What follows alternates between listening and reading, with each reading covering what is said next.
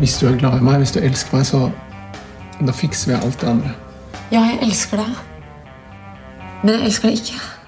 Det er en flaggdag i norsk kulturhistorie. Verdens verste menneske er nominert til ikke én, men to Oscar. Macron og Putin i samtaler, men hørte de hverandre over verdens lengste langbord? Og VG snur på lederplass, det skjer ikke hver dag. Dette er Gjevrøy-gjengen, og det er tirsdag den 8. februar. Ja, eh, Ingvild Dybfest Dahl, eh, film- og TV-journalist i VG, og nå fersk ut av studio to Oscar-nominasjoner, det er uh, ganske sensasjonelt. Ja, det ga både gåsehud og litt skriking i studio, det. Så det var virkelig veldig god uttelling, vil jeg si. For oss som liksom har, har soknet litt mer til kulturlivet enn til idrettslivet, dette er OL-gull og vel så det? Ja, ja, ja. Jeg syns egentlig man bare kan glemme Kina nå, altså. Dette Nå er det verdens verste menneske. Og mm, altså De to som alle nå helt sikkert har fått med seg, det, det var da beste manus, og så var det beste utenlandske uh, film. Og det er også ganske tunge. altså Det er ikke sånn uh, beste duppeditt-plassering uh, av flyfoto eller noe sånt? Nei da, det er jo prestisjefylte kategorier, og som normalt har eh, veldig seriøse temaer, eh, om man skal generalisere veldig, da. Eh, det er klart, verdens verste menneske er jo faktisk en av de, vil jeg si, mer sånn feel good-filmene fra Joachim Trier. Men likevel har den altså truffet så mange mennesker, tydeligvis, da, at den har nådd fram. og ja, du ja. sier feel good, og det er nettopp det jeg altså, satt jeg, uh, Ikke egentlig den som har gjort mest inntrykk på meg av de tre filmene, men den ga meg en veldig god følelse. Altså, jeg gikk sånn løftet ut av den, selv om den handler om alvorlige ting som, som død og i det hele tatt. Ja, absolutt. Eh, det er det. Men jeg syns også det den gjør på et finurlig vis, da er jo at det er jo egentlig en fortelling om et helt vanlig liv. Jeg har sett flere, flere anmeldere i USA beskrive Renate Reinsves rollefigur som en gjennomsnittlig norsk jente som lurer på hva hun skal med livet, og hva skal hun bli, og hvem er hun? Slik eh, lever deg der, Norge. altså en helt ordinær historie, men som da Trier og gjengen klarer å få formidlet på et sånt spesielt sett at det treffer da mennesker utover Oslo, som vi jo kan si er nærmest en karakter i filmene hans. Det er nettopp det. Det er en nydelig eh, framstilling av Oslo. Eh, men du, eh, altså to nominasjoner, aldri skjedd før. Men håpet vi lite grann på at det skulle være tre? Absolutt. Og jeg hadde jo kanskje mest tro på Renate Reinsve. At, uh, at, hun, få... at, hun, skulle bli nominert i, som beste kvinnelige skuespiller. Eh, men det er klart, der var det også Altså, de andre favorittene i den kategorien var sånn type Nicole Kidman, Jessica Chastain eh, det, det skulle litt til, altså. Jeg syns Renate Reinsve er bedre enn Nicole Kidman. Chastain, kanskje. Ja, nei, men du vet Og i tillegg så hadde jo Jessica Chastain og Eh, og førstnevnte er jo kjent for da sånn transformative roller hvor de spiller liksom, De har på seg lass med makeup og sånn fete drakter og spiller Lucille Ball og Tammy Faye. Eh, så det er jo Det skal mye til å slå Altså, Oscar-akademiet er glad i disse transformasjonsrollene, eh, mens Renate Reinsø fikk jo ros da i Cannes, som jo er et helt annet hva skal vi si, base som stemmer, eh, enn det Oscar-akademiet er. Der fikk hun jo ros for nettopp liksom, å spille et altså, enkelt, men komplekst menneske. Og fikk også da uh, prisen. Ja. Eh, så er det altså Det har vært noen nominasjoner tidligere. Det var, det var vel nå nye Kon-Tiki-filmen sist, og så var det Elling-filmen og Veiviseren og Søndagsengler og Ni liv. Mm. Men eneste norske Oscaren det er fortsatt til dokumentaren om Kon-Tiki eh, i ja, 48 eller noe sånt. Vi har vel også noe sånn kortfilm og Oscar eh, og student-Oscar. Og animasjonsfilmer. Ja. Toril Kove. Ja. Um, ja. Så, men i de såkalte store kategoriene så har vi aldri nådd fram, nei. Men det skal jo sies at eh, Liv Ullmann faktisk er en av de få som er nominert to ganger eh, til Oscar som beste kvinnelige skuespiller i en ikke-engelskspråklig film. Ja. Sånn at eh, det var mulig. Eh, og jeg har også lest at eh, det har skjedd hvert eneste år, unntatt 2015, at utenlandske skuespillere er nominert i da de andre skuespillerkategoriene. Liv Ullmann er vel også en av de få som har delt ut pris på Oscar-utdelingen av, av, nordmenn? Ja, vi er vel ikke mange som kan skryte av det, nei. Og hun får jo også en æres-Oscar i år. Så vi kan jo si at sånn sett så har vi allerede en norsk vinner. Ja. Vi sier at det er norsk Oscar i år, rett og slett. Tusen takk skal du ha, Ingvild Dybfestdal. Eh, ja, Per Olav Ødegaard, mye oppmerksomhet rundt møtet selvfølgelig mellom Macron og Putin i går. De snakket sammen i fem timer. Og det som vakte mest oppmerksomhet før man visste noe om samtalene, det var jo dette der bildet at de sitter på, i hver sin ende av verdens lengste langbord. Altså sånn Dette med at eh, partene står langt fra hverandre og sånne ting, det, er, eh, det ble godt visualisert eh, i dette møtet. Ja, virkelig. Var, de holdt ikke bare énmeteren, men de holdt vel bortimot timeteren. I hvert fall så var det verdens lengste sånn møtebord. Ovalt hvitt eh, møtebord i Kreml der, hvor de satt på hver sin ende. Eh, og de sa faktisk at det var av hensyn til eh, covid, da, at de holdt den der avstanden. Vertskapet sa det. Men så satte de seg jo ned, og, det som var litt spesielt, var at de satt jo sammen, bare disse to, i fem timer.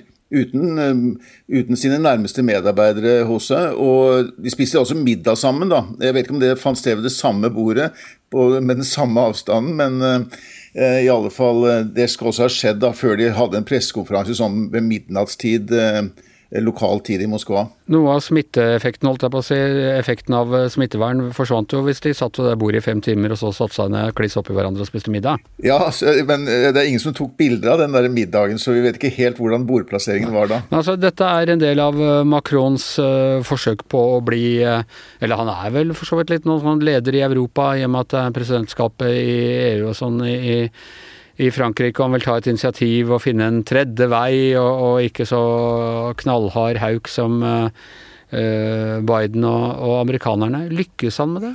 Han har i grunnen ikke lykkes så langt. Altså Macron har helt siden han ble valgt som president, um, og det er snart fem år siden, så, um, så har han jo forsøkt å holde en um, en åpen linje, da, en, en dialog med Putin. Uh, han uh, var jo tidlig ute og inviterte Putin til Versailles i 2017. Um, og da var det en utstilling om Peter den store der som han ville Putin skulle se på da, uh, i Versailles. Han inviterte Putin til um, ned på Riveraen, den franske Riveraen. Um, et par år senere. Han har stadig hatt invitasjoner til Putin. Og han, det er ingen leder i vest som har snakket så ofte med Putin etter den nye krisen kom. Eh, altså oppsto. Han har vel snakket med, De to har snakket sammen fem ganger, tror jeg, siden desember.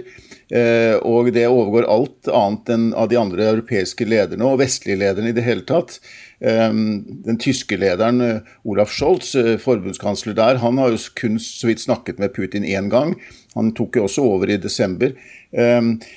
Så, eh, og Frankrike har som du sier, overtatt presidentskapet i EU. Eh, Frank, han har lagt veldig mye vekt på å lage en slags eh, berede grunnen for et, eh, et europeisk, eh, en, en, slags ny eh, sikkerhetspolitisk orientering i Europa. Da, og med eller uten Nato, eller på siden eller i tillegg til Nato. En sterkere europeisk stemme. Og så, og så står også Macron midt oppe i en valgkamp hvor det han nå gjør, som liksom sjefsdiplomat i forhold til Putin eh, overskygger alt annet også i, i hjemlig politikk. Og kanskje det også er litt av hensikten hans.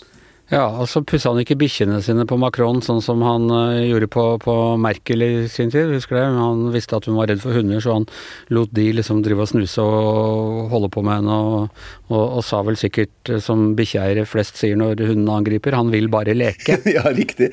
Det, det er, men, og, men, jeg tror det at det som vi snakket om innledningsvis altså, Selv om Macron har anstrengt seg veldig for å få en god dialog med Putin, så har det ikke på en måte blitt besvart på samme måten.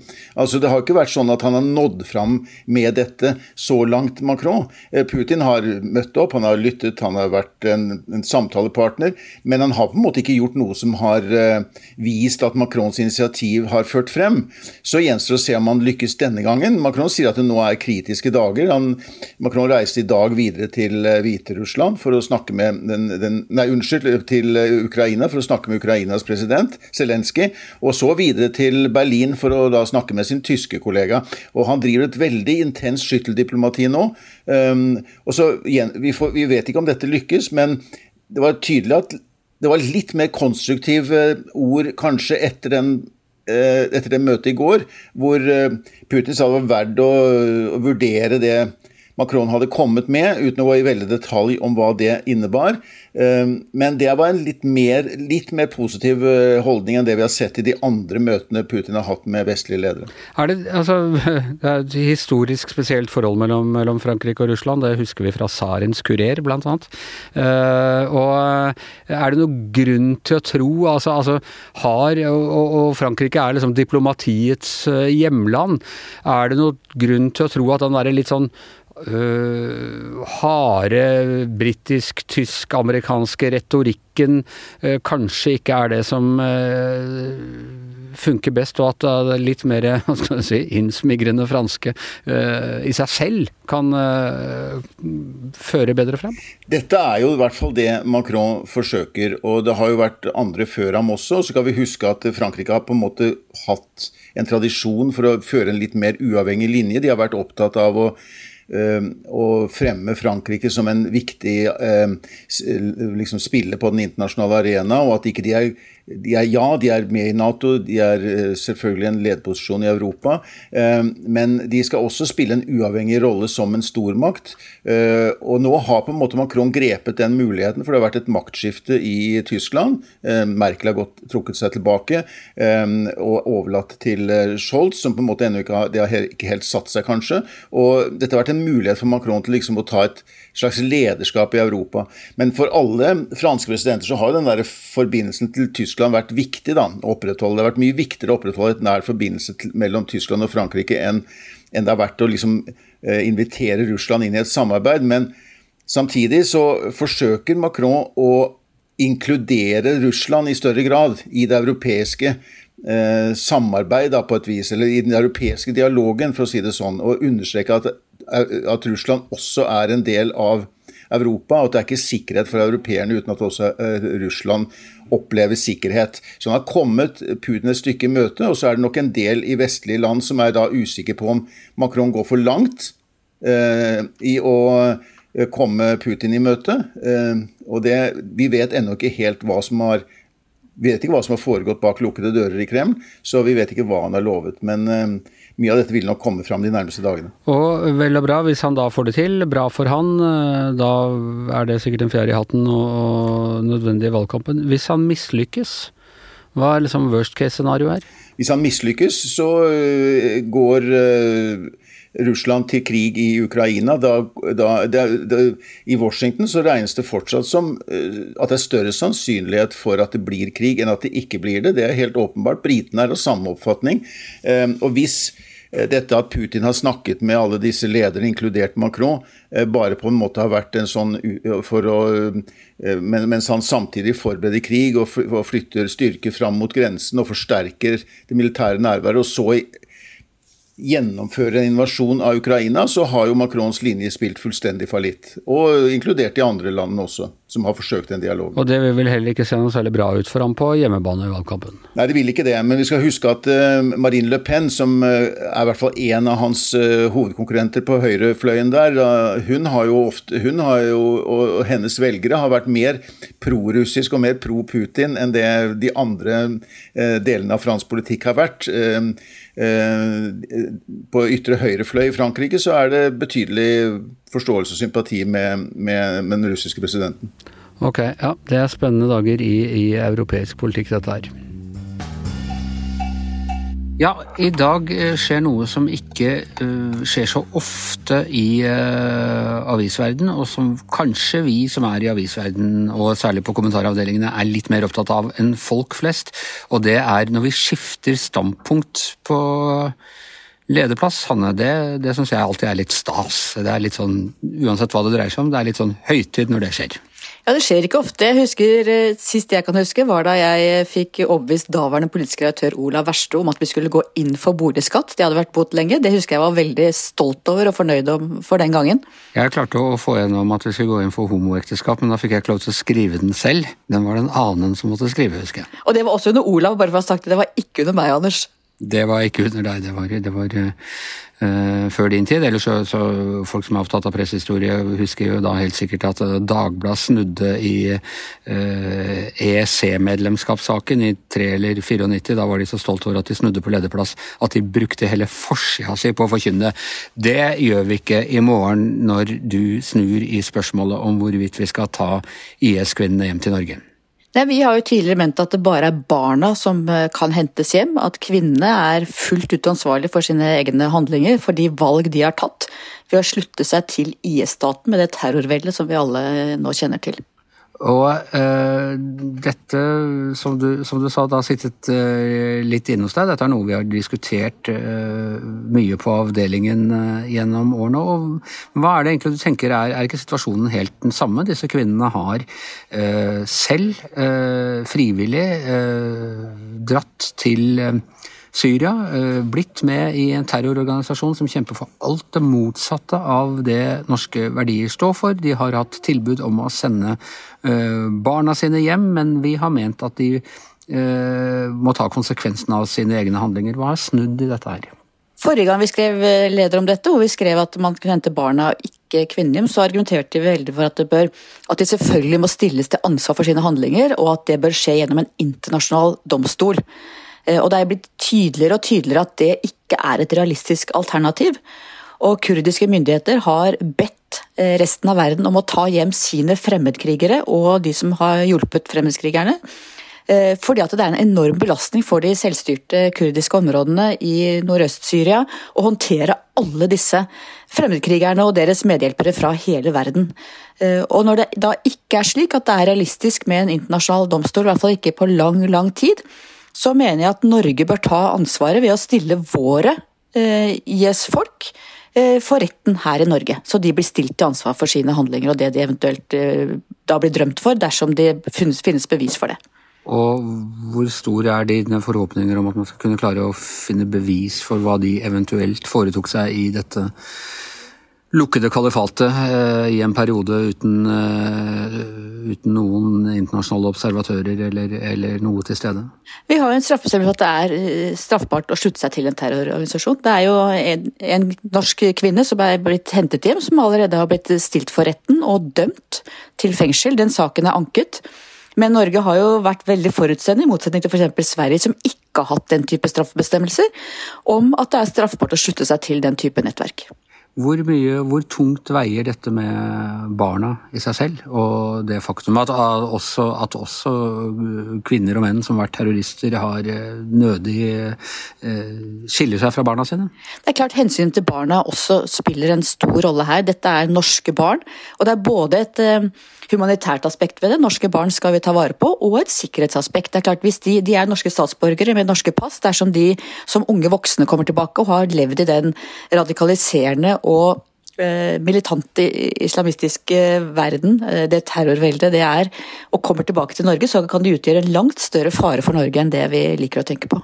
Så da snur vi på lederplass der. Med det samme vi er i gang med det, skal vi, skal vi gå inn for republikk, melde Norge ut av Nato og si nei til EU, eller, eller er det nok for i dag? Nei, Anders, her er vi stødige. I motsetning til Dagbladet så har vi alltid vært for norsk EU-medlemskap. Vi har alltid vært for norsk Nato-medlemskap. Vi er for, for, det norske kongehuset. Så her kommer vi til å være stødige lenge. I hvert fall så lenge jeg sitter som politisk redaktør, Anders, så kommer det til å ligge fast. Og det ligger i VGs historie, stiftelseserklæring, tradisjon og alt. Så her er vi på plass. Stø kurs, men en liten bikk i, i uh, akkurat i, i, dag eller i morgen, altså. Ja. Og dermed er Giæver og gjengen eh, over for i dag. I hvert sitt hjemmestudio, Per Olav Ødegaard og Hanne Skartveit har med i studio med meg, Ingvild Djupfest Dahl, og på den andre siden av det fem meter lange produsentbordet sitter som vanlig Magna Antonsen.